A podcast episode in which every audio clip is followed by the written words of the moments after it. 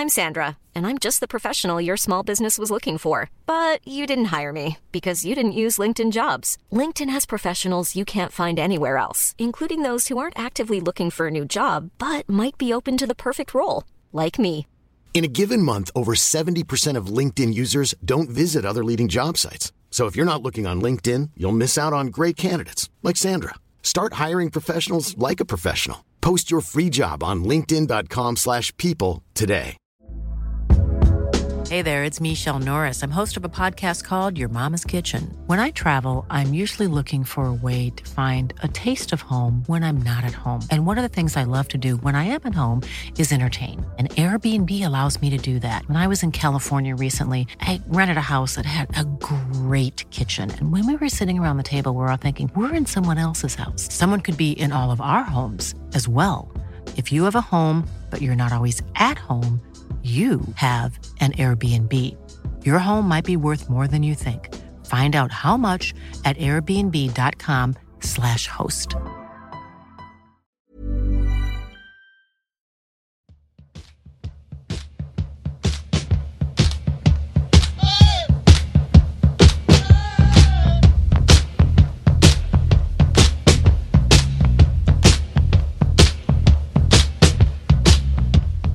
Hallå! Välkommen tillbaka till poddplats H, en podd om hockey och sport i allmänhet och självklart Löven i synnerhet. Den här frågan kanske man inte ska ställa idag, men det är väl en klassisk fråga. Hur är läget boys? Om vi börjar med dig Josef. Ja du, det känns inget roligt. Det var ju inte så här det skulle vara tycker man. Vi kan ju säga direkt, vi hade ju planerat att spela in det är så mycket matcher så det vart, vi, men vi tänkte att ja men efter onsdagsmatchen här nu så ett peppavsnitt för match sju var ju tanken och så blev det så här. Och på det sättet som det blev. Så hockeymässigt känns det inget bra. Sen är det ju vår och man får vara tacksam över mycket som är bra. Men nej, det är lite segt ikväll ska jag säga. Vad säger du Niklas? Ja, det är tomt faktiskt. Det känns så här. Man, man har som man inser hur mycket man följer laget och hockey i allmänhet, så där, men eh, att det är. Nu är det slut eh, och det blir tomt på något sätt. Och för mig, det är ju en världslig sak så, men jag tänker på på killarna i laget och. Nej, sjukt tråkigt och tungt är det. Det är den känsla jag har just nu. Men eh, jag ser ändå med eh, tillförsikt framåt på det här och hoppas att eh, vi ska bli riktigt starka nästa säsong också. Ja, nej, men det är väl bara flika in. Jag vet inte om det var Stråle som sa det eller vem det var i någon intervju. Att det är lite som en ballong, liksom en eh, fylld ballong och så kommer det bara en nål och allt bara försvinner. Och det, det var ju lite så på läktaren igår också. Från eh, total eufori när vi gör 2-2 och eh, jag vet inte hur man firar, men man är överallt och ingenstans och till en underbar förlängning och sen pang över. Eh, det blir smärtsamt. Det är jobbigt, eh, men den här dagen har ändå varit ganska bra på ett sätt. Eh, jag är sjukt stolt över laget. Vi kommer att komma in på det. Jag är stolt över säsongen som de ändå blev. Eh, det känns betydligt bättre nu faktiskt än, än uttåget i fjol på något sätt.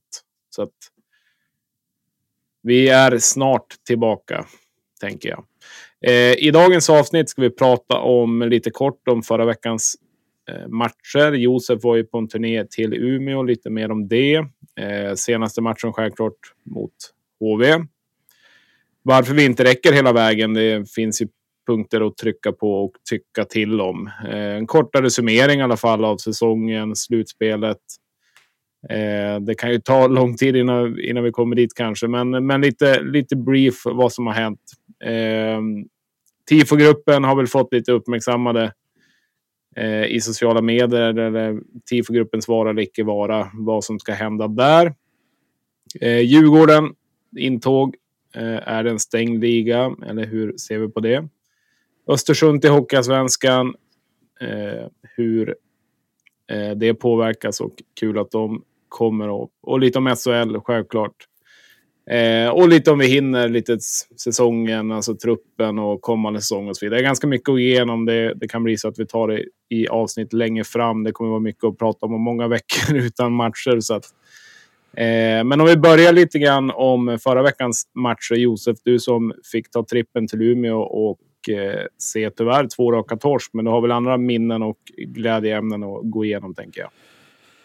Ja, det var det. Det var ju jätteroligt syvende och sist, det handlar ju om människorna i mångt och mycket. Alltså, man har ju lärt känna kompisar, både nya och äldre, höll jag på att säga. Alltså, det är, sporten förbrödrar och försystrar. Eller, man, man lär känna människor.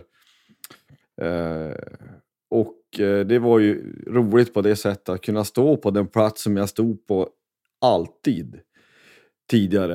Det var ju fantastiskt kul att stå med de, de människorna där. Och, har du något superhörn ja. eller?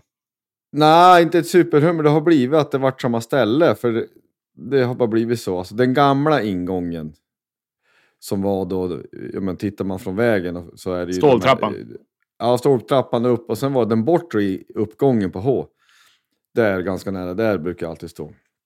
Nej, men det så är det liksom, ska man kolla på lite minnen bara från någon match. 1-0 som Fitzgerald gör. Det är ju fantastiskt när vi faktiskt har ledningen där. Eh, och sen så, ja men det blir ju skit med allt vi förlorar, men det, det var fantastiskt att få vråla ut det. Det var, det var kul. Nej men det var roligt att gå på match igen och jag noterar, kan säga direkt, bara på eh, de åren jag inte har sett matcher i Umeå med publik, så noterar jag att nu är det ju nästan, ja det är ju definitivt en majoritet som har eh, souvenirer på sig, alltså halsdukar och någonting även på sittplats. Det minns jag inte att det var på samma sätt bara för liksom fem år sedan. Och det är fantastiskt roligt att se. Alltså det är halsdukar, det är kepsar. Även på stan tycker jag att på dagarna där jag hade lite tid över, jag eh, fikade en gång på NK. Och då måste jag få säga för övrigt, jag träffar ju, alltså Kjell Garincha, Sundströms eh, ceremoni var ju fantastisk, att man firade en gammal hjälte. Träffa hans dotter som jobbar på NK, det visste jag inte, så jag stod och pratade lite med henne. Det var nog nästan en av de största grejerna med hela resan. Det var fantastiskt roligt. Nej, men det var prat om hockey, alltså man märker i bakgrunden. En, dagen efter så gick jag på Ullas och fika där. Och då hör man gubbar som sitter och pratar om eh, Björklöven. Och det är också bara så saker, men inte vet ju om det var så här. Det är det som Per Kenta har sagt om att eh, den här fantastiska coronasäsongen när vi gick så bra, det väckte Umeå tror jag på ett sätt som jag aldrig har reflekterat över riktigt i och med att man har sett matcher på bortaplan. Att det är många fler som bryr sig. Det är, alltså att eh, man väckte en stad och det det är nog bara så och det är fantastiskt kul att se. Eh, jag måste bara få inflika innan jag glömmer bort det. Du säger med Kjell där. Jag eh, har en, ja, en kollega, eller vi sitter i samma hus. Eh, hans pappa spelade med Kjell i samma kedja. Eh, så att jag åkte med han till matchen i fredags. Han har också varit ordförande i Löven. Nu ber jag om ursäkt, jag kommer inte ihåg, kommer inte ihåg namnet. Men, eh, men det, var, det var väldigt intressant. Han berättade mycket och han såg verkligen fram emot den ceremonin. Han visste inte att den skulle vara, så då sa jag det, att det skulle vara just den. Och då berättade han att man spelar i, i samma kedja också. Så det, det, det var roligt, bara en inflikelse där. Ja, snyggt. Där eh, kanske vi har en kommande poddgäst.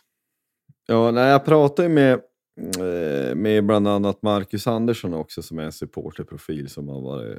Eh, och vi kom in liksom på att ja, men för, för hans del, vad som så vackert formulerat, att ja, men han har inte en favoritspelare så. Det finns ett efternamn, Sundström, som har följt. Och det är ju liksom i flera, i flera led. Det är liksom en linje som går genom hela föreningens historia och som vi ska vara väldigt glad för och vi ska vara stolta över och som man ska vara rädd om minnet utav det. Men alltså, tar du dig då Niklas, hur, hur uppfattade du de två hemmamatcherna förra veckan? Bara en övergripande känsla någonstans. Ja, onsdagsmatchen såg jag inte så mycket utav eh, eftersom jag inte var upptagen med annat. Eh, och eh, men känslan var ju, det var ju brutalt Eh, onsdagsmatchen var inte så mycket att säga om, eh, tänker jag. HV kom hit och, och, visade lite grann vart skåpet skulle stå. Eh, och vann ju rätt klart den matchen. Eh, fredagsmatchen var vi på plats tillsammans och eh, torsk i förlängningen. Och den var tung. Att vi kommer hem och har 1-1 i matcher, hemmaplansfördel och allt vad det där. Och sen efter två hemmamatcher så ligger vi under med med 3-1 i matcher. Det var riktigt, riktigt tungt faktiskt. Eh, och tänkte att ja, ja, nej, men man stöttar ju laget i ur och skur liksom. Sätter mig och ser matchen på söndag. Ingen liksom sådär speciell. Eh, det låter hemskt att säga det nu sådär, men man hade liksom så här, ja, men det, det, blir vad det blir. Vinner vi så så grymt, så får vi ta hem det hit och liksom göra match av det. Och så och det är en utskåpning av Guds nåde på bortaplan liksom. Och det är väl det här klassiska svårt att slå in matchbollen liksom. Eh, för HV, för då var vi. Vi var riktigt, riktigt, riktigt bra den matchen borta mot HV. Ja. Eh, och jag tycker inte att det var. Det var som inget snack heller i i, i den matchen. Eh, och sen ta hem det då och sen det här brutala avslutet som vi fick bevittna då igår kväll. Eh, nej, det var men som sagt, förra veckans matcher. Eh, jag tycker väl att hemma så skulle vi, vi skulle ha vunnit den andra matchen hemma. Det är väl det jag kan tycka. Eh, den första var vi inte tillräckligt nära, men, men den andra matchen så tycker jag att vi skulle ha fått vinna. Eh, helt klart. Ja, det tycker jag också. Eh, jag var, kan jag säga, när jag får hem där i lördags, jag var helt utcheckad. Kan jag säga. Alltså jag var så knäckt och besviken så att det var på något vis att det här jag, jag tänkte att det här är ju över. Och det var det också. Alltså vi är ju, HV gick upp. Alltså att, att vända 3-1 är väldigt svårt. Sen fick man ju hopp. Vi gör en riktigt bra bortamatch eh, på söndagen där, där det inte är någon som helst snack. Och eh, jag tror, hade vi vunnit igår så hade vi haft, ja då är det 50-50. Eh, för då är det så otroligt mycket press på. Men det att vända, vända 1-3, det är jättesvårt. Det händer i princip aldrig.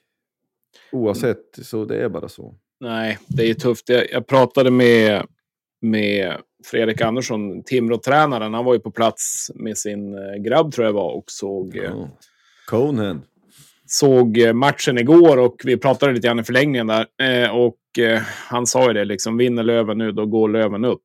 för att det mentala spelet som kommer in och efter vändning och allting och HV ska ta hem det på, på en hemmaplan och liksom liksom avgöra och de momentumet Löven har. Så det var lite ja, Guds stolpe eller vad man ska kalla det för HV där när, när KJ någon centimeter till så kanske vi hade gått upp. Men som sagt, det är kanske och det är liksom spekulationer. Men det är klart, det känns tufft. Det har varit en känslomässig berg och dalbana av dess like eh, under de här veckorna. Eh, det är bara att tacka alla runt omkring som har liksom stått ut med en. Eh, man har kanske inte varit världens bästa på alla andra plan, utan det har varit hockey, hockey, hockey och man har varit helt insyltad i det och varit uppe länge. Och det har varit, men det har varit kul också. Det har varit en rolig resa, men det kan vara skönt faktiskt för en själv också eh, med lite ledighet ett tag. Men eh, det hade varit trevligt med en Game 7 i Jönköping. Det hade man ju inte skojat bort.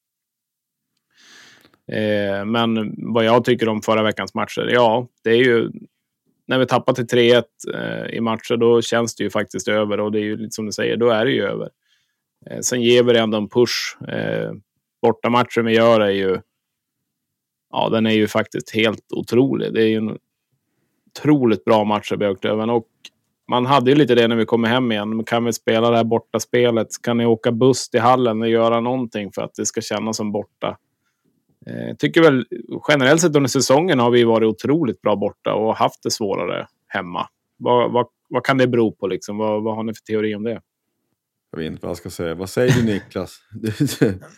Nej, alltså, jag, jag är lite så här. Jag fattar den här grejen med att man ska spela borta hockey hemma. Jag var helt inne på det också.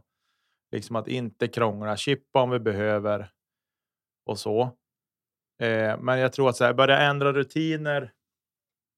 Jag tror att det är mer skrock liksom och vidskeplighet. Eh, jag fattar. Jag fattar absolut att man pratar om det, men jag, jag är inte riktigt där. Det är ju. Eh, det är inte. Men det är ju något som har fungerat på borta, bortaspelet bättre i alla fall än, än hemma. Jo, men jag tror att du spelar en annan typ av hockey Eh, av någon anledning borta. Men det är ju för att, och det är ju ett mentalt spel tycker jag. Isen är lika stor. Isen kanske är lite mjukare eller hårdare beroende på vilken arena det är eller hur varmt det är i hallen och sådana saker. Snabbare Piteå också. Eh, ja, men, men alltså förstå mig rätt. Det är samma mm. isyta i, i alla arenor på något sätt. Det är liksom läktar biten runt omkring som är annorlunda och väg till omklädningsrum. Så, så jag tänker att jobbet som ska göras på isen ska kunna vara detsamma. Sen är det det här med, med trygghet, alltså att man är hemma, man har nära till saker och ting. Alla de grejerna spelar in. Eh, men jag, jag tror. Jag tror inte på att förändra rutiner allt för mycket. Så, för det är en annan sak som kommer in med bortaspel. Du får inte välja vilken femma som ska in sist så att säga för att kunna välja tekare och alla de detaljerna liksom. Eh, Medan hemma får du det och då blir det så här. Ja, men vi ska välja femma hemma, men vi ska spela chiphockey om vi behöver. Eh, det blir lite. Lite konstigt för mig, men, men det kan ju vara mycket tillfälligheter också såklart. Eh, ja, ja. Men, men jag förstår. Det är klart, det går man... inte att säga någonting om att eh, det är lite skillnad på 7-2 och förlora med 3-2 i alla fall. Men sen kan man ju inte vinna med 7-2 varje match. Men som vi gör det i alla fall är ju vi är ju med på ett annat sätt i den matchen från start än vi är nu senast hemma igår. Ja, så är det. Och vi spelar en... Alltså vi, vi är så mycket mer påkopplade över hela isen också. Eh, Jakob Olsson gör ju en av sina bästa matcher i Löven. Den matchen i söndags. Eh, han var riktigt, riktigt, riktigt bra. Han, avlä han läste av situationerna otroligt bra när han skulle sätta press och inte sätta press. Eh, så det var, var riktigt kul att se. Och jag tycker någonstans att det är det som sådana saker som blir avgörande i sådana här matcher. Faktiskt. Men eh, det går inte att säga någonting om den matchen. Jona gör en grym match i, i mål. Eh, Filip Larsson i HV målet. Han ska inte belastas liksom för för eh, för det. Jag tycker inte att det, det går liksom inte att beskylla honom. Nu gjorde HV det. De bytte ut honom med förhoppningen att få någon sorts förändring, men det vart ingen förändring. Vi fortsatte att skölja över dem och, och liksom vara bättre än dem helt enkelt. Eh, och de vågade inte vinna. Så såg det ut. De vågade inte vinna sin hemmamatch där. Det ska ju sägas också att vi är väldigt effektiv. Alltså, det har vi, så vi sett tidigare under säsongen, alltså även med Wallson, att är vi effektiva och när vi sätter lägena, då, då är vi ju svårslagen. Mm. Det är att vi har inte riktigt den här spetsen som HV har med Forsberg i spetsen. Att ja, men de nyp till lägena när de behöver. Mm. Eh, men vi, om vi går tillbaka till första hemmamatchen ja, men i onsdags. Men känslan var ju också, att Otto drar in sedan stolpen där, att jaha, det är en sån här kväll. Och det var det ju också. Mm. Alltså tar vi ledningen där, vi hade väl två i ramen första perioden. Eller, men det ja, var det var en klocka i ribban också. Ja, eh, ja, men de där behöver gå in. Alltså du, du, du över, en, över tid, en matchserie, så att ja, vi har massa stolpar ribba. Ja, men skjut inte ribban då. Mm. Lätt att sitta och säga, men ni fattar va? Liksom, ja, men det går inte att skylla på ramträffar, det har alla. Du måste sätta de där lägena också till slut. Och vi, men, det går inte annars. Vi är väl lite inne på det nu, egentligen den punkten, alltså varför vi inte räcker hela vägen. Nu såklart stolpar och de, de grejerna, men det är väl lite sådana här små, små punkter. Jag menar, om man ska ta några, någon större punkter i stort, liksom, varför, varför tar vi inte HV över, över sju matcher? Alltså, har du någon mildare analys på, analys på det, Josef? De är ju lite tyngre. De har lite mer spets. Vi kanske har ett bredare lag på ett sätt. Alltså vi har fler spelare som kanske kan utmana i någon mening. Men alltså det, det är bara att se igår. Så de hänger ju sina mål i powerplay allihop. Och eh, det, det är liksom den spetsen att ha en sån som Forsberg. Eh, ha liksom spelare som, som kliver fram när det behövs. Det är ju det, det som krävs. Men eh, det är ju också så att vi, vi ska vara ruskigt stolta över laget. Vi gör, vi gör match av det här. Alltså vi gör matchserie från det. Vi är två övertidsförluster. Alltså vi är två övertidsförluster ifrån att vi har eh, eh vi, vi, har liksom eh, ordentligt häng på en SHL-plats. Det behövs så lite. Men det kan man säga att det behövs lite. Ja, men vi hade det lilla räckte för att det inte skulle räcka så att säga. Och sett över hela säsongen, det är ju ingenting att säga om. HV är seriens bästa lag. Så det är seriens bästa lag som går upp. Men det känns ju så fruktansvärt surt att det är på det här sättet det går till. Och sen är det ju också att, som jag, jag tror att många har den känslan, ibland tar man hellre en torsk 1-6 som man är klart sämre än man upplever att men vi är minst lika bra eller bättre. Igår var vi klart bättre 5 mot 5. Men att det, det liksom ska ske tveksamma domslut. Och jag tänker, vi, vi biter av det där sura äpplet. Vi har varit inne på det avsnittet förut. att det är ju så anmärkningsvärt att man inte tar detta med match, matchfunktionärer på större allvar. Och jag vill säga direkt att hade vi haft bättre effektivitet och nypt till de här chanserna, då hade vi haft vilka domare som helst, hade vi vunnit ändå. Men det är ju så matchavgörande när... Ja, det är, för det första är det märkligt är att det är samma domarpar som dömer 13 raka matcher för Björklöven. Det, är ju, det låter som en, en eh, Stefan Jarl-film eller någonting så. Det är ju bara sjukt. Och att de dessutom inte är särskilt bra som jag ser det. Och det kan låta sore loser och bittert, men det måste vara då. Jag tycker att det är märkligt. Han tar, Westner då det fallet, han tar en utvisning som, ja men rent tekniskt, okej, okay, det är en utvisning. Och det säger man väl på ett sätt och ingenting om, men det märkliga är ju alla 57 andra utvisningar du inte har blåst för, bara under senaste matchen. Och sen är det ju helt uppenbart också när man missar en solklar puck-out Eh, och jag vet inte om du läste, det var en intervju i någon av, i någon av kvällstidningarna ikväll där... Ja, Expressen. Jag, ty ja, alltså jag tycker att det är så ynkligt att du inte kan vara en större människa än att säga att ja, men packouten, det går så snabbt, beslutet ska tas på någon tiondel sekund. Vi har sett på reprisen och förstå att det var ett felaktigt beslut. Hade, det hade man kunnat respektera. Nu står man fast för det och hävdar som någon slags... Men är, är du blind? Det ser du ju själv. Det är, ett, det är ett felaktigt domslut och det måste man kunna erkänna.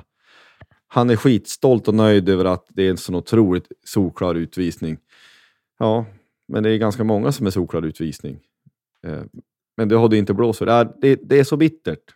Det är ju det är inte bara lövare heller. Alltså jag säger, alltså utvisningen i sig, den är rätt. Alltså den är korrekt enligt, enligt regelboken. Eh, det är smått onödigt kanske av men den är ju väldigt, väldigt billig. Det går inte att säga. Men kollar man vad andra säger runt omkring och inte, som inte har någonting med Löven eller HV, även HV-folk tycker den är billig. Så att, eh, den är väldigt billig i det läget och det är klart det är ju väldigt hårt när det blir, blir mål av det också. Det är klart det blir omdiskuterat. Så är det ju. Ja, men det är ju alltså. Vi är ju en finalserie. Det går inte att regelboken ska vara nitisk. Det har vi ju sett de, det enda de har diskuterat tacklingen på Hotala som vi kommer tillbaks till på Baudouin. Ja, vi diskuterade Bra uttal här förresten. Vi, vi, vi diskuterade hur det var en två eller en femma. Det är för mig helt ointressant. Det intressanta är att ni skickade den inte vidare och ni vart inget liksom eh, inget utfall av det där. Det är det sjuka i det här. Hotalas ja, överfall. Och det är också en ganska matchavgörande eller bättre, matchavgörande för hela, hela slutspelserien också när Bodan är borta. Ja, jo, alltså det är klart att det påverkar oss på det sättet. Men det sjuka är att hans straff är detsamma som Bodan nu blir utvisad för. Situationer som händer 15 gånger under en match, att man håller i motståndarens klubba.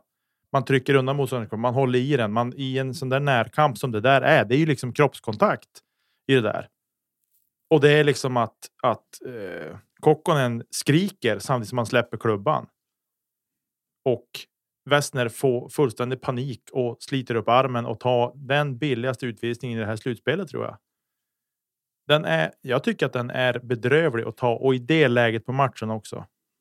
När man har dessutom missat en solklar packout. Det går inte att förneka den och dessutom tycker jag att det är för dålig nivå att precis som Josef säger inte erkänna sina misstag och dessutom har jag aldrig förstått det. Varför kan man inte titta på den som man tittar på alla andra grejer? Jaha, det, det där ja. har jag lite svårt för. Tänkte du packouten eller tänkte ja. du den andra? Man tittar ju liksom, ja, men de tar jumbotronen till, till hjälp för att se om det har varit en tripping eller om det har varit en hakning eller en hög klubba eller vad det kan vara. Då kan de titta upp och se på den liksom. Och bedöma utifrån det. Samma sak här. Jag förstår faktiskt inte problemet i det. Och där de säger det går så fort. Vi ska ta ett beslut på en tiondels sekund. När pucken var över sargen på en tiondels sekund. Du kan ta dina två sekunder och fundera på. Jo, men var det här en packout eller inte? Jo, men det var det. Jag tar den. Jag har aldrig förstått den här hetsen med när pucken är död att måste upp med armen så vansinnigt fort. Ja, jag håller med. Så kan man ju också tycka att ja, men du har ju fyra, det är totalt fyra domare. Ja, men ni kan väl prata ihop er tio sekunder? Såg du om det där var packout eller inte? Du kan väl ta hjälp av de som, som, är, som är där? Ja, men för hur eh. många gånger har man inte sett, till exempel, vi får målvaktsblockering. Det blir lite gruff mellan två gubbar. Det är ingen utvisning. Ingen domare har tagit någon utvisning. Det blir ett gruff. Två gubbar åker isen, brottas lite grann. De ställer sig upp och det liksom ja, tonas av. Domarna åker ihop i grupp och så sen helt plötsligt så har de bara nej, men vi tar en roughing på bägge två. Alltså förstå mig rätt. Jag tycker att det blir lite konstigt att beroende på vilken situation det är så ska man fundera. Vi har inga liksom skillnaderna vi har i straff i hockey. Det är två eller fem minuter. Eller ja, vi har ju två plus två också, men alltså förstår ni? Men i det här fallet en tvåa för packout eller en tvåa för tripping eller en tvåa för hakning. Straffet är detsamma. Och därför tycker jag att man tittar på de andra grejerna, men inte det här. Varför gör vi skillnad på, på de olika felaktigheterna för huruvida man ska titta på dem eller prata ihop sig om, om dem eller inte? Ja, nej, det finns, finns såklart många frågor som vi bör diskutera och Eh, vi kanske får bjuda in någon domare helt enkelt och lyfta lite sådana här frågor och få, få lite svar på det man kanske är förbannad och frustrerad över. Eh, det är ju alltid tråkigt när det blir, blir matchavgörande också. Eh, men om man kollar en summering i stort, säsongen, slutspelet, eh, liksom 52 matcher och plus, plus lite till. Jag tänker mig att vi, vi kommer ju kunna få ta ut det eh, framöver. Men eh, vad, vad, liksom, vad, vad, säger ni? Alltså, det är ju en berg och dalbana av dess like. Det är ju att vi ens står i final skulle man inte kunna tro liksom, när allt är som det är. Men, men på något sätt så tar vi oss dit. Men det finns ju mycket att analysera och mycket såklart förbättra också. Jag menar, vi, vi tappar en del placeringar under säsong på att vara ganska ojämna och av alla de anledningarna. Om du, om du får börja Nicke, liksom, vad, vad, vad, känner du över säsongen, säsongen som stort om vi tar en liten kortare brief? Jag vill säga så här. En liten, vi hamnade lite grann i domarträsket där. Varför räcker vi inte hela mm. vägen? Mm. Och det är något som jag tycker ändå vi har sett lite grann under säsongen också. Vi har pratat mycket om att vi har haft en tunn backsida. Vi har fått några skador på på kanske ligans bästa back i form av Vainio när han är frisk. Eh, I alla fall offensivt sett. Grym på rören och så. Det lilla vi har sett av han. Eh, han har gått sönder. Plant har fått för många hjärnskakningar och är borta, vilket jag tycker är sorgligt. Eh, så vi har pratat väldigt mycket om backsidan, att vi har haft en tunn backsida. Men det är inte våra backar som ska producera och göra målen. Det är gubbar, de tre gubbarna vi har framåt. Och där tycker jag någonstans att vi har inte fått ut det av den bredden vi har framåt. Det är där jag tycker vi, vi fallerar lite grann den här säsongen och att vi har ett offensivt special teams i form av powerplay som har varit lite för dåligt.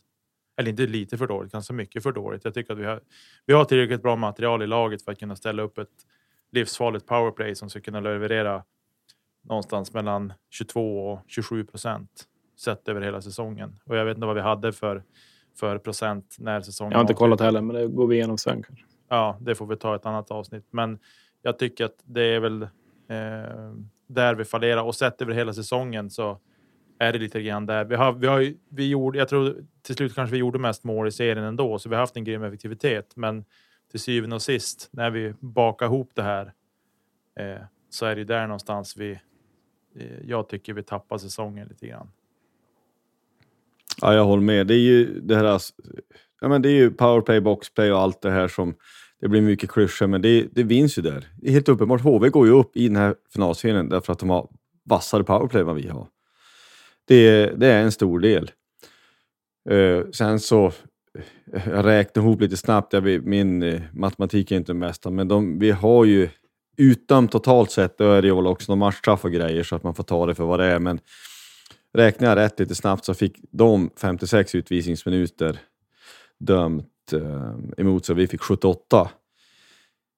Kan bero på att vi är fulare, det kan bero på sånt, eller så kan det bero på att eh, det kan bero på många saker. Nej, men alltså jag konstaterar bara att oavsett vad det nu än är, det säger att de får några mer powerplay och att det i synen var sist har genererat i några mål till, ja men det, då räcker det i, i det stora hela.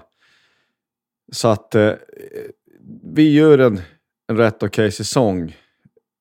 Det hör ju också ihop med, alltså, som vi säger, att vi, vi har för tunn backsida och lite för, för kort bänk. Är det inte så att det hör ihop med att ingen... Eller jag, nu ska jag välja en, en teori som jag sett fler ha, som jag tror stämmer.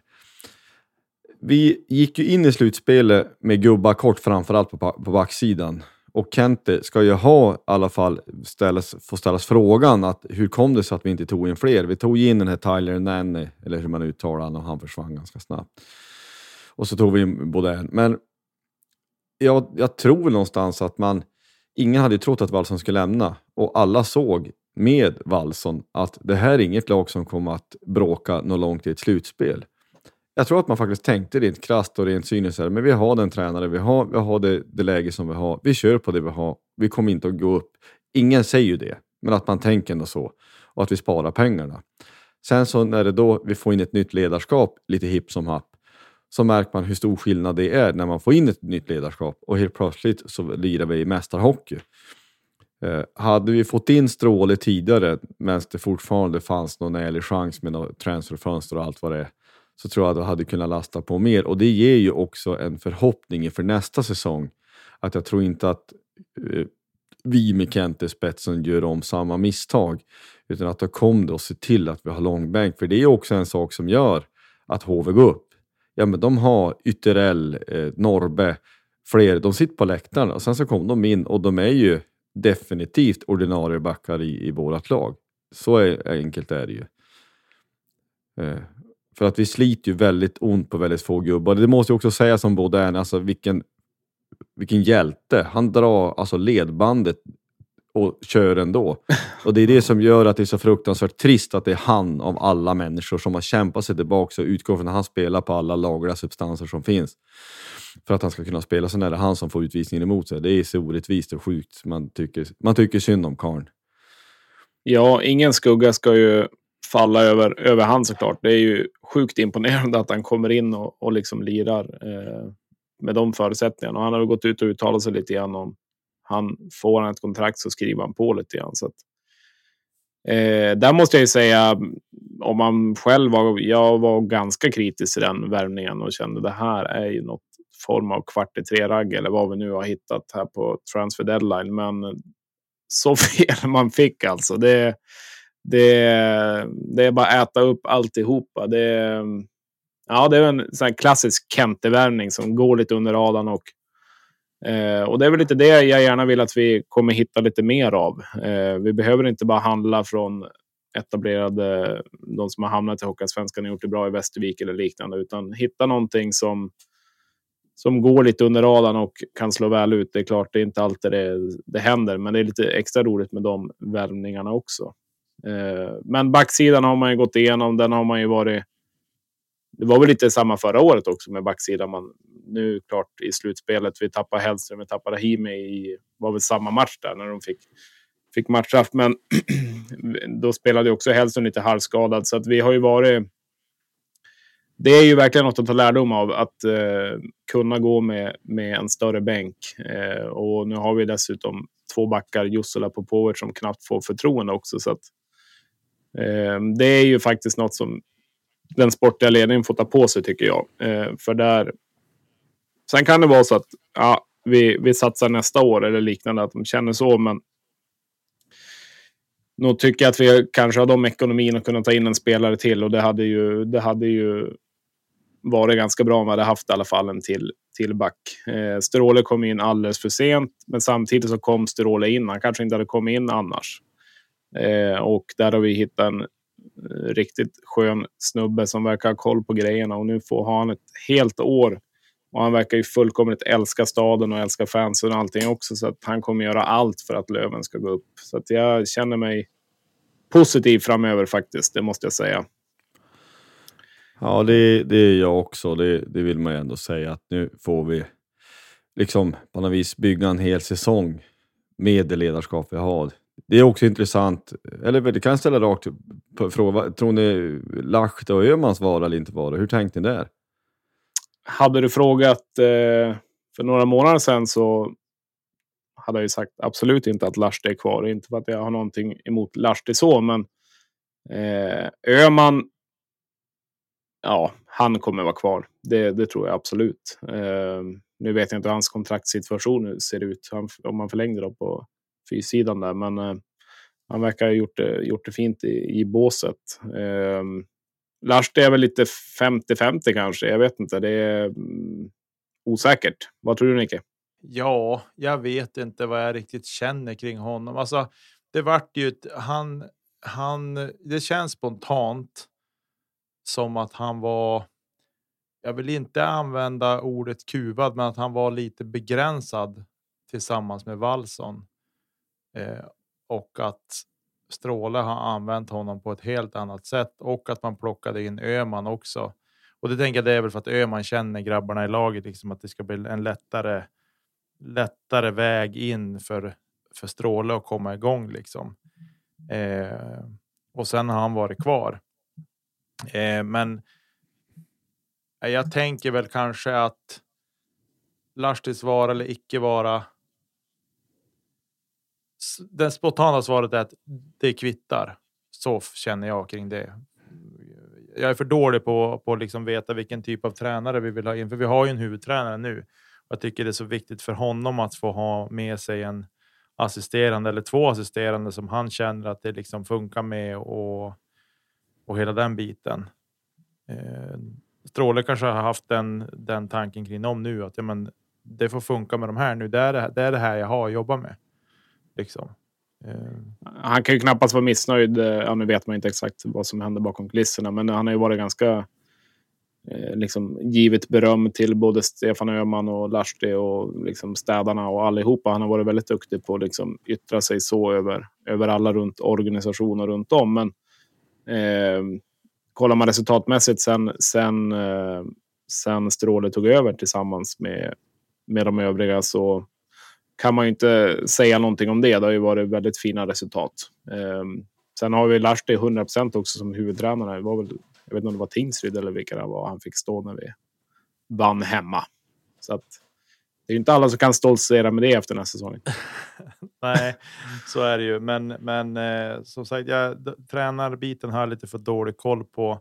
Jag känner det, jag vill ha in en tränare som kan ge tydliga direktiv och att gubbarna känner att de har förtroende för honom. Det tror jag är det viktiga i det här och att det blir tydligt för grabbarna vad de ska göra, hur de ska spela eh, och hela den biten. Sen vem den personen är, om det är Lahti, det verkar ha funkat väldigt mycket bättre sen Stråle kom in. Så att, ja, jag lägger mig lite platt i den frågan faktiskt. Men jag, jag tror, vi är, jag tror vi är ganska ambivalenta. Blir det Lahti så blir det säkert jättebra. Blir det inte Lahti så kommer det in någon annan. Det är lite, eller det är så är min, nu ska jag inte prata för er, men lite så är min känsla och din verkar också vara Nick. Ja, jag, jag håller med. Jag, jag är sjukt glad att vi har Stråle som huvudtränare. Det kan jag säga och jag tycker även att att målvaktstränaren Bjurling verkar vara en en skön snubbe också och jobbar bra med målvakterna och så där. Så det känns också spännande. Det är ju en tränare som man lätt kanske glömmer bort lite grann. Men, Fantastisk eh, mustasch också. Ja, precis. Men eh, så att jag. Jag. Eh, nej, jag är glad att Stråle är kvar. Vilka som blir assisterande, det får tiden utvisa lite grann. Ja, Eh, det, men det lär bli en, såklart. De gör ju alltid en slutsummering eh, med, med laget och de bitarna. Sen tror jag väl det där, den där förhandlingen har nog redan pågått vad som händer och inte sedan innan. Men eh, det lär väl eh, utkristallisera sig ganska snart, tänker jag mig. Eh, vi har ju tappat några veckor, eller hur man vill se det nu igen, när vi blir klar så pass sent. Det är klart det är positivt i flera andra synpunkter, men, men det är klart, vissa har ju fått fått haft eh, barmarksträning lite tidigare. Eh, om vi ändå är inne på slutspelet, en sen punkt, men som jag tänker ändå kan vara lite kul att se vad vi själv tycker, våra, våra egna tyckanden kring laget och spelarna. Om man säger slutspelets eh, MVP, Most Valuable Player. Eh, jag tänker att jag kan börja då, så tar jag bara någon här så att inte, så att inte ni behöver ta Daniel Rahimi. Eh, är ju given, tycker jag. Visst, det är tråkigt att han får två, två utvisningar som blir mål i sista matchen, men som man egentligen pappa i laget eller ta, ta sig an det här slutspelet eller hela säsongen tycker jag varit otroligt imponerande. Eh, han visst är en liten begränsad spelare och så vidare, men som man gör det egentligen. Stänger ner sargerna och liksom är en jätte framför mål, täcker skott. Han är överallt. Eh, jag vet inte hur många fem och tre lägen han har stängt ner själv under hela säsongen känns det som. Eh, och verkar ju vara världens teddybjörn på sidan också. Kan föra sig och eh, är nog fantastisk kille att ha i laget. En sann ledare som eh, förtjänar stor respekt eh, efter den här säsongen, tycker jag. Har du något namn, Josef? Nej, men det kan inte bli någon annan. Jag tycker inte det är fullständigt såklart. Och det vill jag säga, det må vara gnälligt, men första utvisningen från gården är direkt felaktig. Tackla puckförande spelare är lagligt i hockey. Wessel har spelat från sig pucken, ingen annan har tagit emot den. Han är ganska stillastående och Rahimi kliver upp på honom. Det kallas för tackling och det bör vara lagligt, så det är en, det är en felaktig utvisning. Sen så förhindrar han ju en, en, ett friläge i andra utvisningen får och den är ju inte att säga så mycket om, men den första är ju inte rätt, tycker inte jag. Eh, faktiskt. Nej, men Rahimi är ju fullständigt given för min del. Sen så tycker jag gärna att vi kan nämna Jona. Han har varit riktigt bra i målet. Eh, men för mig är Rahimi, Rahimi given. Du då Niklas? Ja, jag hade ju också tänkt säga Rahimi, men eftersom att ni har sagt honom och eh, jag är överens med er. Men jag tycker och känner att jag kan Eh, villigt erkänna att intervjun som Fredrik Andersson gör med med Lars igår efter matchen. Jag satt och hade sån snabla gåshud och jag får den nu också när jag pratar om det.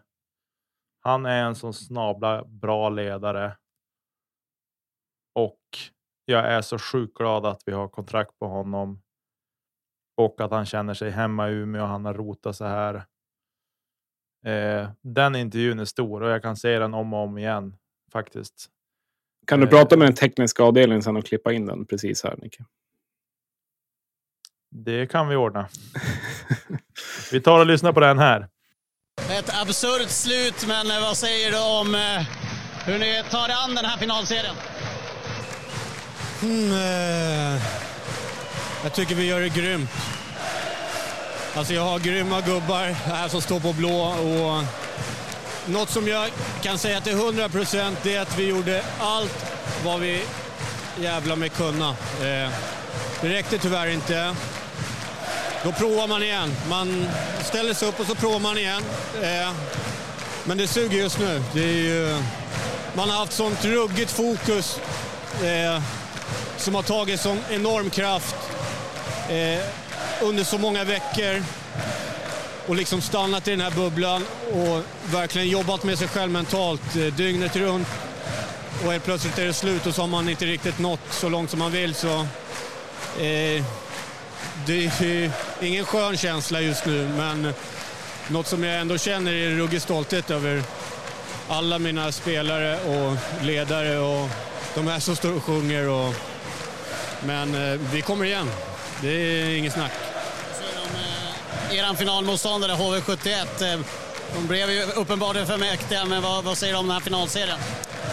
Jo, men eh, alltså man måste ge dem ändå att de har, eh, de har haft en ganska stor press på sig och så går man och vinner. Det, det ska man ha all respekt för. Det är inte det enklaste man kan göra.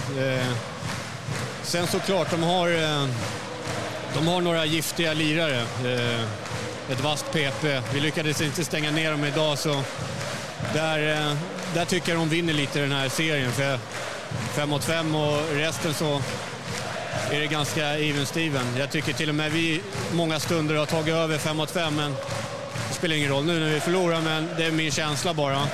Men det är bara att säga grattis till dem då, då och så... Ja. Stort tack Fredrik. Ja, tack så mycket. Nej, men eh, ja, alltså vad, vad ska man säga om Fredrik Andersson? Eh, han kan spela center, han kan spela back, eh, han kan sjunga, han kan göra hamburgare på, på Gröna Älgen. Han, eh, han kan verkligen föra sig också. Jag tycker, kollar man också kommentarer och vad andra fans säger och tycker och tänker också, vilket jag tycker är väldigt viktigt egentligen, hur Löven som klubb och eh, vi fans också, hur vi för oss, hur vi pratar eh, till andra fans och alla runt omkring också. Att mm, föregå med gott exempel, vara ett bra varumärke. Eh, fler vill komma till Löven, eh, fler pratar bra om Löven. Eh, och Fredrik Andersson gör ju det med bravur. Eh, och i en, i en sån situation med adrenalinet och spela och sen är det helt slut och ändå kunna stå och hylla ett annat lag och liksom eh, nej, det, tycker jag, det tycker jag är imponerande. Det tycker jag är fantastiskt. Och där har fler spelare och andra lagkaptener i vissa andra lag eh, verkligen att lära sig av. Eh, sen vet man inte hur man själv skulle vara i den situationen, men jag tycker Fredrik Andersson ska ha 10 plus för, för det. Ja, han är framförallt en stor människa. Eh, det, det, och det ska han all, ha all cred för. Och det, jag, det är ju vis vi är i de vi är, vi håller på det lag vi håller, men jag tycker också att vi har fört oss hyfsat. Alltså jag, jag tycker intervjuer, eh, jag, jag, tycker att vi, vi skulle, alltså menar, som spelare så man, kan man ju tänka själv att ja, men efter matchen är, stru, är slut, att frustrationen över hur allt ifrån dömning, avstängningar, inte avstängningar, att det hade pyst över, att man hade kunnat vräkt ur sig någonting jämför med Linus Omark här för någon kväll sedan, eller vad, vad, som helst. Men vi gör inte det. Stråle gör inte det, inte andra gör inte det heller. Och jag, jag tycker att det är snyggt. Um, hörde ni, jag vet jag pallar inte av att se en massa intervjuer efter matchen, direkt matchen var slut, jag stängde av skiten och var ju så irriterad. Men alltså var det någon som, eh, säga, någon, någon från HV som tackar Löven för god matchserie eller någonting? Alltså att man... Jag har inte hört någonting av det faktiskt, men eh, ska inte såga någon innan jag... Jag har som sagt inte heller velat se de intervjuerna. Idag på, på jobbet så var det ju P4 igång och de pratade ju hockey direkt morgon. Och först var det en intervju med Daniel Rahimi. Jag tänkte att den kan lyssna. Och sen var det en intervju med Fredrik Forsberg och då stängde jag av. Eh, ingenting emot Fredrik Forsberg såklart, men jag vill inte höra något mer hockey just då 08.15 på morgonen när man precis har kommit upp efter, efter gårdagen. Så jag, jag, kan inte säga något. Har du hört någonting Nicke? Eh, alltså av de intervjuer som var så var det väl Önnerud som eh, nämnde någonting. Jag kommer inte ihåg exakta ordalag, men inte ett ljud från tränare eller någonting. Och jag tycker utan att säga för mycket. Löven har skött det här uh, intervjuerna efter matchen så mycket bättre än vad HV har gjort. Rakt av. Alltså mm. vinst eller förlust så tycker jag det. Och jag må vara färgad. Folk får tycka vad de vill och jag ska vara färgad. Det allt annat vore märkligt. Men jag tycker att eh, där har vi skött det bättre faktiskt. Eh, ja, jag lämnar det där innan jag säger någonting jag kanske får ångra. Ja, nej, men vi kan väl i alla fall konstatera utan att eh, kanske såga några andra lag eller liknande. Men, men Löven i alla fall har gjort det väldigt bra och det ska vi vara nöjd och glad och stolt över. Eh, ett annat lag också som jag tycker gör det, jag menar Västerås åker ur eh, Pannanen eh, tycker jag också alltid kan föra sig och, och också liksom är ganska snabb på ja, men, gratulera Löven till segern. Löven vann välförtjänt och ja, men, sådana ord som man kanske tycker ja, men det är väl man kan säga det, men man ska ändå göra det. Och, eh, han är också någon som eh, för sig väldigt bra för sin, sin klubb tycker jag. Eh, så att vi får vara glada över det. Eh, vi jobbar vidare och när vi väl går upp så tror jag inte vi har skapat oss allt för mycket ovänner heller. Eh, det är väl inte alla som vill ha upp Löven såklart, eh, eller vilket lag det nu kan vara. Men, men kollar man runt om i Hockeysverige och så, så, så har vi i alla fall fått med oss stor respekt. Och det ska vi vara glada för. Och det är också bra när vi ska ha framtida rekryteringar på tränarposter eller vad det nu kan vara.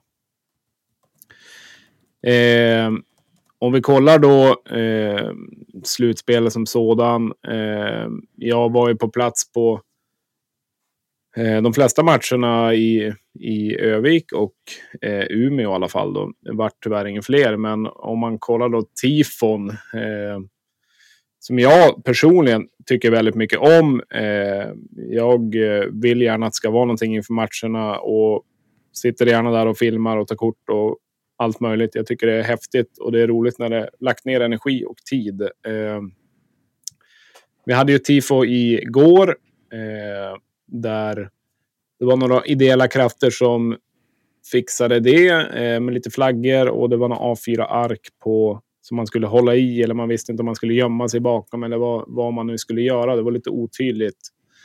Eh, ni som såg på tvn, eh, hur upplevde ni det? Eh, det är svårt när man är i hallen och veta exakt eh, hur det ser ut. Men det, det kändes väl som att det hade kunnat vara en liten högre nivå. Nej, men alltså är, man måste ha klart för sig att vad jag förstår så kom in, initiativet från eh, någon grupp på sociala medier och Facebookgrupper. Och du vet att du, man, man, kan inte få till det här bra på kort varsel bara genom någon, eh, på någon höft för att någon får lite feeling. Det blir ju pinsamt. Ursäkta, men det, det blir ju så. Det här måste man tänka igenom. Det måste också finnas tydliga instruktioner. Ja, men det ligger en massa små pappersbitar, men om ingen vet vad de ska göra med dem. Det, det, det blir bara dåligt. Eh, och det här ser jag hellre att det kommer organiskt från supporterklubben själva. Sen så kan ju, eh, alltså all cred till eh, ja men GD Green Devils i det här fallet. Men man, man skulle kunna ha tänkt, kanske då planera tidigt att ja men okej, okay, i en eventuell match 6, om vi tar oss till en final, alltså, eller, eller när det blir klart till final, så, så skulle man kanske kunna tänkt igenom att ha fått i alla fall någon vecka på sig då tror jag att man hade kunnat lösa det. Men det här, eh, det, det blir, det blir varken hackat eller malet. Det hade varit bättre att låta bli, tycker jag. Vad tycker du, eh, Nicke?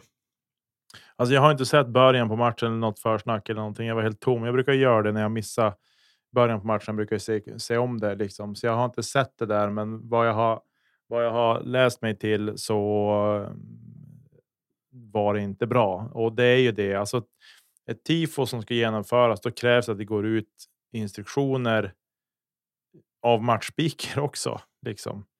Eh, de gånger jag har varit där och jag tror vi hade eh, i finalserien mot Modo för två år sedan så, så var det ju flaggor i första matchen där. Men det, det var riktigt snyggt tyckte jag. Ja, och det gick ut tydliga instruktioner om det också. Eh, och det behöver inte vara krångligare än så kanske heller. Och då tycker jag, jag, jag är som inne på det Josef säger, jag tycker att supporterklubben ska styra över det där. Sen är det fritt fram att engagera sig där. Det är ju ingenting som, som hindrar någon att delta där. Sen deras arbetsinsats med att lägga ut massa gröngula pappersark över hela arenan. Bra insats, men utfallet kanske inte blev vad, vad man önskade eller eh, vad man hade visualiserat framför sig. Och jag tycker att lämna det där till till supporterklubben, för det är de som ska styra de där grejerna. Det är vad jag tycker kring det där. Man kan ändå hylla också att det var tillräckligt tunt papper så att det inte gick att göra en bra klappa av det. Ehm, det var som ingen effekt i det. För att, ehm, att, för att lyfta den frågan så. Ja. så det, det, kan man hylla. Nej, men eh, alltså.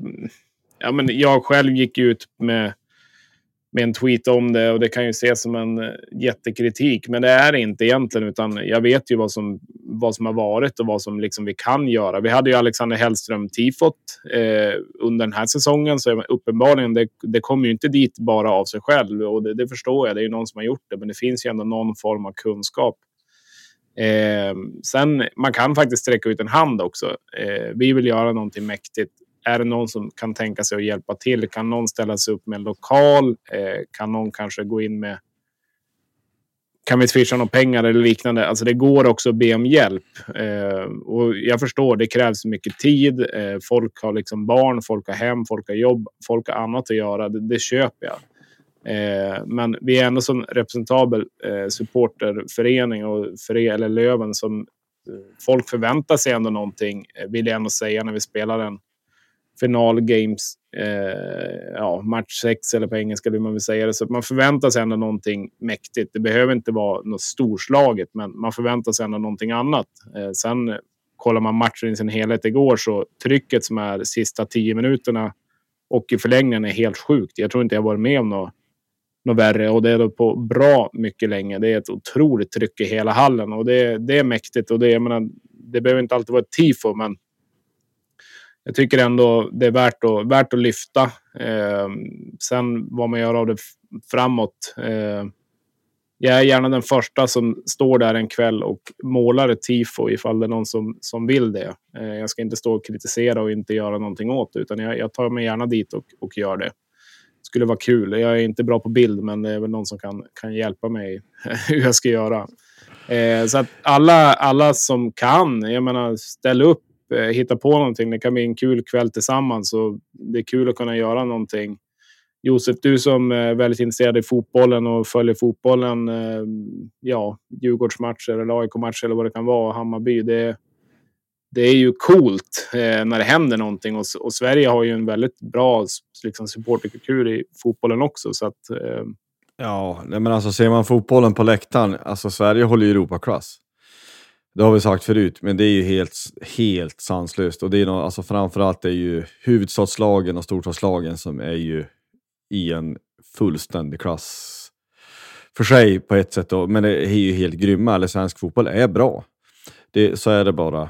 Och jag, jag ska väl gissa också att men går man tillbaka lite i tiden, och, ja, men, 20 år vad det kan bli, det fanns ju en, en gruppering som heter Rebellion Tifo. Men jag gissar ju också att i allt detta, och det noterar jag också när jag var då på, på ståplats så nu eh, de här matcherna, att men det har ju skett en, till vissa delar en generationsväxling också. Så det måste man ju också ha med sig, både vad det gäller eh, ramser, vad det gäller allt möjligt. Alltså att, man, att, att förnya sig är inte helt enkelt. Eh, och hur nödvändigt det än är. Alltså, det är många gamla klackrävar, de står ju inte där längre, utan de sitter. Och eh, jag kan tänka mig också TIFO-verksamheter. Det, det, kräver kreativitet, det kräver överlåtelse, engagemang och kunskaper inte minst som man säger. Så att det är ju inte för vem som helst för att det ska bli bra. Det är inte för att vi vill kritisera någon som vill göra någonting, men att ja, det där blev inte bra. Jag tror också det kan bli en lärdom. Ehm, det, det, tror jag definitivt, för det gick ut definitivt genom skärmen. Alltså jag, jag, jag trodde ju efter två perioder att ja men okej då, vi, man sitter väl och tittar på det, man är väl någon slags fakir. Jag hade ingen tro alls för att det här skulle bli någonting annat och sen så när Lis bombade in den där i powerplay och sen Fitzgerald var ju helt galen. Så det var ju fantastiskt att man fick den upplevelsen i alla fall, även fast matchen slutade så snyggt. Men hur, så att, eh, hur, går, hur går det? Nu är jag ju på plats varje match, men hur... hur eh, alltså, om jag beskriver det så... Alltså ljudkulissen och liksom allt som var där, är, alltså det är helt magiskt. Det är, oavsett liksom vilken hall man är i, men alltså det är sånt sjukt tryck och liksom man känner bara i hela hallen. Alltså vi går upp, alltså just när det blir den där pulseringen. Alltså hur upplever man det på tv? Tänker man alltså nu är det tryck i ladan eller tänker man ja, det verkar vara bra tryck där? Eller hur? Det är ju, det tycker jag definitivt att man gör. Sen är det ju väldigt olika vilken produktion det är. Jag höll på att säga nästan vilken kamera man har, hur det, hur det är mickat. Det är så mycket sånt eh, som, som avgör saken också. Men jag tycker definitivt att det gick igenom alla rutor som finns. Att det var väldigt bra drag. Ja, men vi kan ju stänga, stänga det där med, med tifona. Eh, vi ska inte dra någon ältning kring det, men det är väl mer bara eh, en önskan kanske då. I alla fall från, från min sida personligen att, eh, att man, vill, man, vill, man vill ha det där. Det behöver inte vara det varje match, men eh, är det några speciella matcher så Kommer ni ihåg det här lövet som eh, om det var, om det var lövet eller vad det var som gick, eh, flaggan som man drog ner på när man stod på H när det vart mål. Eh, som vi körde en period. Eh, något sånt är ju bara trevligt att ha, bara, bara bli ett mål, att det händer någonting. Ja. Ja. Eh, men om vi går vidare. Eh, Djurgårdens IFs, eh, Mästa Mästarna, kommer tillbaka. Det var ju inte allt för länge sedan de var här och vände efter två säsonger. Eh, det är ju lite surt, eh, om man säger då i Löven-intresse, att det kommer tillbaka en, ett till storlag. Eh, och med de resurserna ekonomiskt, eh, hade vi haft Timrå så hade det varit en liten annan, liten annan eh, drake som kommer ner. Eh, Djurgården eh, har ju börjat sin silly season vansinnigt stark och har väl ingen för, eller eh, kommer väl inte sluta, sluta heller bomba in namn. Eh, Vissa säger att det är en SHL-trupp, men det, det, vet jag kanske inte. Men eh, vad säger ni om det? Det är nästan mer eller mindre stängd liga, vill man nästan tro och höra på vissa. Att nu kommer nästa och så ska de gå upp då. Eh, hur, hur, hur tänker ni kring det? Ja, det är båda delar. Det är väl någon som har uttryckt det som att ja, men i praktiken så är det 15 eh, SHL-lag och så byts ett av dem av lite vartannat år eller hur nu man nu tänker att eh, ett lag spelar ett år och Hockeyallsvenskan säger ett annat lag som byter. Eh, och, men på ett sätt så tycker jag att den här finalserien vittnar om att det skulle kunna vara något annat. Men det krävs ju att allting träffar rätt. För att vi ska gå upp en sån här säsong så behöver vi tur. Eh, och det räckte ju inte till, upp, helt uppenbart då. Vi är där och nosar och vi är inte jättelångt ifrån. Men det är ändå 4-2 matcher. Vi, vi, är inte riktigt där. Vi, vi, vi, får inte spela en avgörande match om det. Och ser man på pappret så har Djurgården, det är en snabla trupp de, de ställer på isen. Men vi har inte sett vår egen än såklart. Men eh, det finns ju ingenting annat än att man kan redan nu i maj säga att Djurgården är storfavoriter, precis som HV71 var storfavoriter den här säsongen. HVs trupp den här säsongen är det grymmaste eh, Hockeyallsvenskan någonsin sett och Djurgården är ju på väg dit med stormsteg också. Tyvärr. Hur är din upplevelse Nicke? Ja, jag hör ju vad ni säger och jag har ju sett själv att de har landat tunga namn. Men jobbet ska göras. Det kommer in många stjärnor i laget med Djurgårdshjärta förvisso, men jobbet ska göras.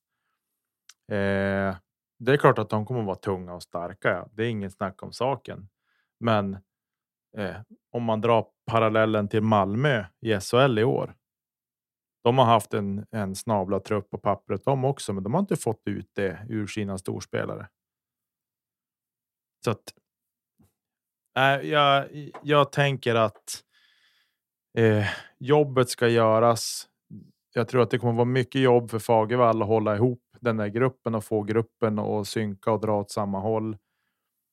Eh, det, de kommer att vara sjukt starka. Jag säger ingenting om det. De har kapital och de liksom har eh, många spelare med Djurgårdshjärta, vilket jag tycker det just sådana saker tycker jag är fint liksom på något sätt att att de väljer att gå hem till sin moderförening och hjälpa dem att ta sig tillbaka till finrummet till mitt eget förtret också såklart att de får ett starkt lag.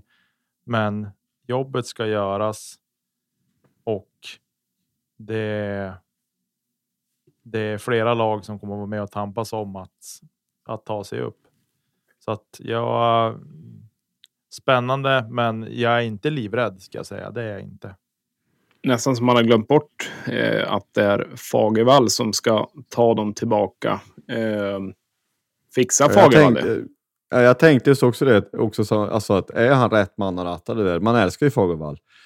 Men om man, om man ska zooma ut lite grann så kan man tänka, men vad har han för meriter egentligen? Alltså, vad har han lyckats med? Alltså han lyckas ju uppenbarligen coronasäsongen hos oss. Men annars har det ju inte varit supermycket ändå. Men han är ju sjukt likeable. Han försvarar man ju i alla lägen.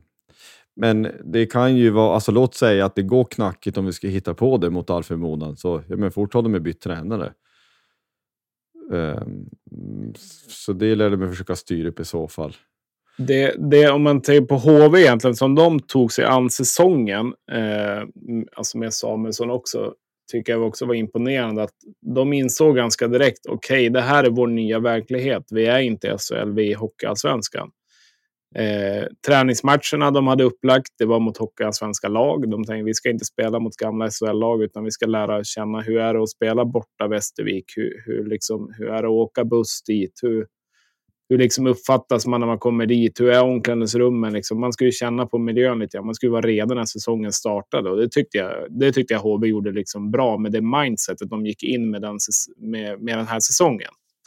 Eh, det, det, tycker jag faktiskt de har gjort, gjort väldigt bra, liksom, hur de tar sig an säsongen och får med den starten. Och det är som sagt, eh, Djurgården kommer in med samma press. De är storfavoriter redan nu. Eh, de ska egentligen bara gå upp. Eh, och börjar det gå troll i grejerna. Jag menar, HV har ju sin första match, AIK hemma, ligger under med 2-0 och lyckas vända den matchen. Men det är klart, är det en torsk där, då, det blir direkt en jobbig start. Eh, så att eh, Eh, det är också mycket tillfälligheter. Det är svårt att gå upp. Eh, så att även om Djurgården kommer ställa ett väldigt bra lag på pappret så har vi ju eh, betydligt många fler lag som kommer göra det också. Så att ja, det blir ju spännande att se, men, men det är, vi får ju just nu i alla fall sätta Djurgården som favoriter. Vi kan inte riktigt sätta Löven än för att de har ju tre spelare under kontrakt. Så just nu kan vi inte sätta oss själva som favoriter i alla fall. Nej, alltså är tyvärr så. Kontrakt betyder ju ingenting. Det vet vi också. Så är det, det, är, det är ju också, det kan man ju fullständigt få makatarr över hur illa skött det är. Ja, men det är en annan sak. Det.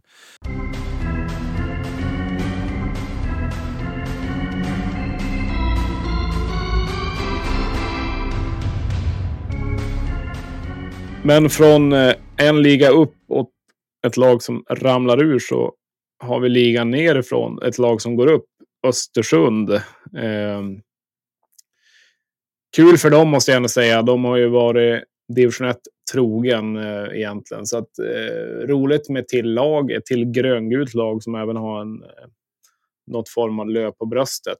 Eh, det må jag hoppas att det är vi som är det bättre, bättre löv nästa säsong. Men eh, det blir lite kul faktiskt att åka och kolla, i, kolla match i Östersund. De har ju en fin, fin arena där eh, och har någon legendarisk intervju att öl, vad är det, öl är hockey, hockey öl eller något, något liknande. Eh, vad, vad känner ni för Östersund? Pirrar det till eller eh, händer det någonting inombords?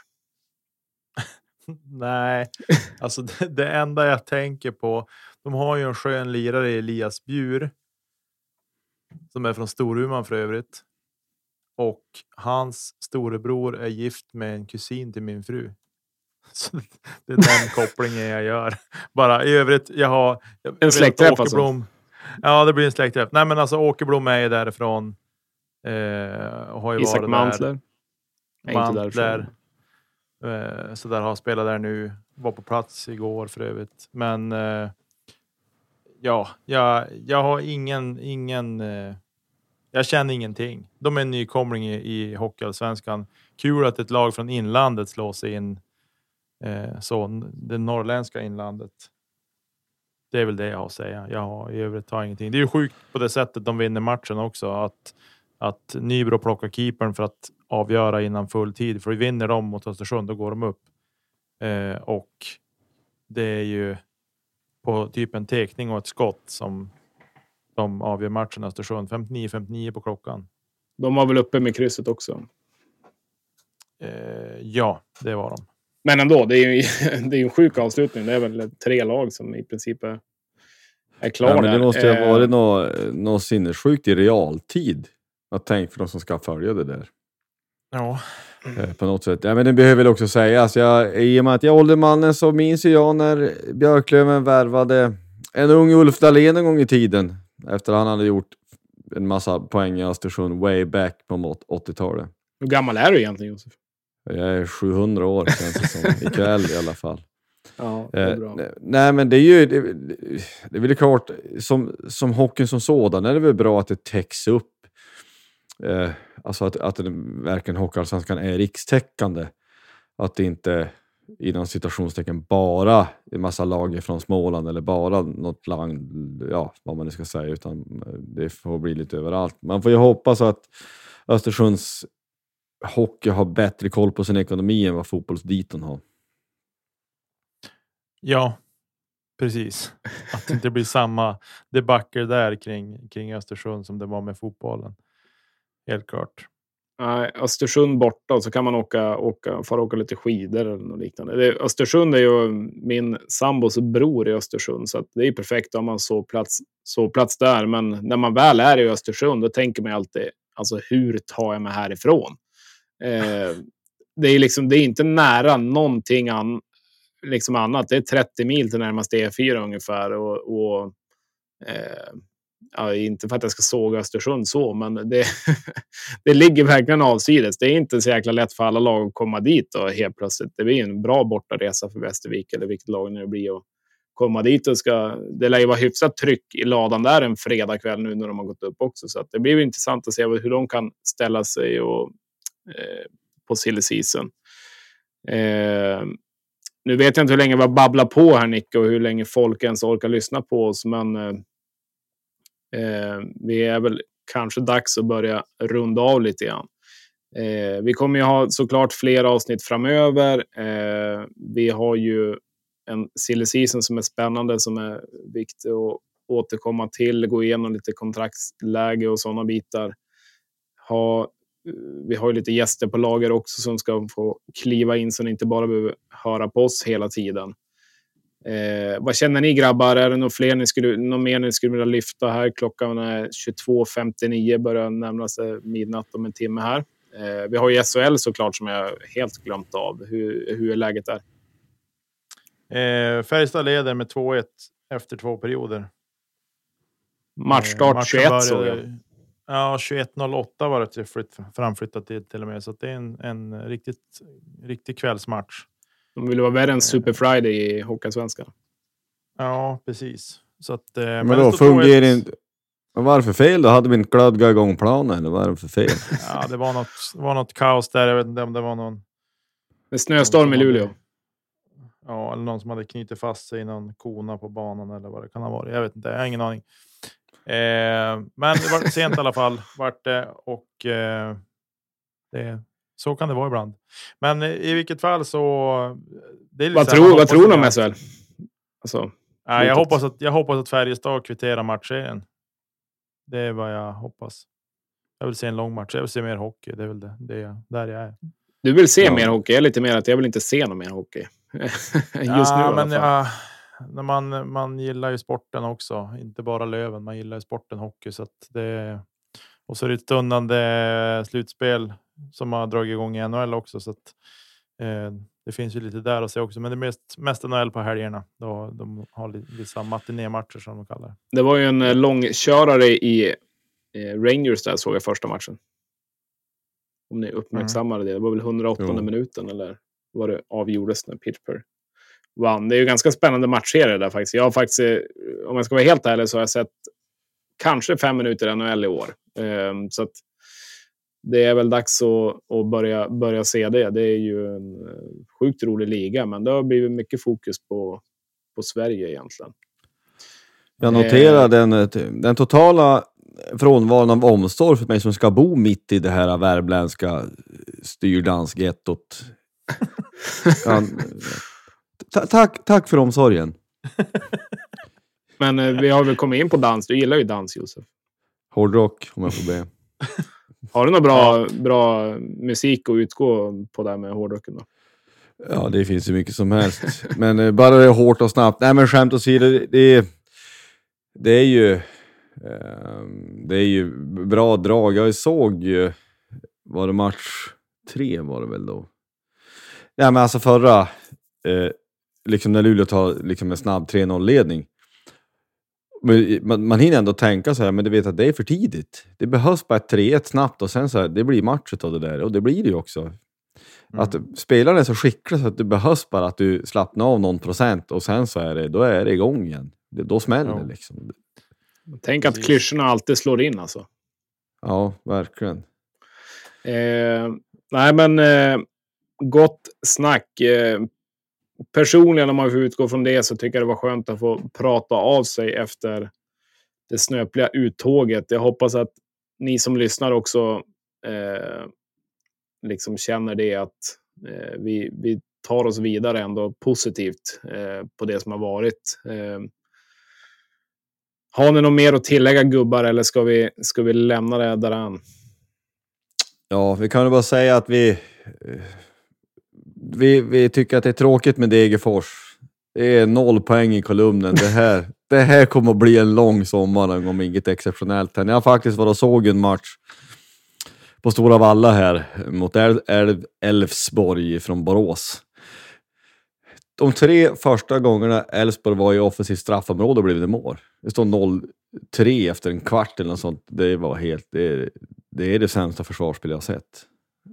Fyra matcher utan mål framåt. Ni skulle behövt en Olle List där. Ja, eller vem som helst. Det, nej. Nej, man får hoppas att det ordnar till sig, men det, där, det, det här kan bli trist. ja, men vi, knyter, vi, vi knyter ihop det här så får vi... vi får, man får ändå gå ut med att man är ju sjukt stolt över klubben. Vi gjorde en ruskigt stark andra halva. Och att det båda gott inför, inför, inför någon slags framtid. Det, man får lämna att serieupplägget är ju fullständigt skevt och att eh, svenskt hockeys ledarskap är som en eh, Lars Norén-pjäs. Men, men Björklöven gör det utifrån sina förutsättningar en, en fantastisk avslutning på säsongen. Googlandet på Lars Norén har aldrig varit större. Ja, vi säger tack och adjö för den här veckan. Ha det bra!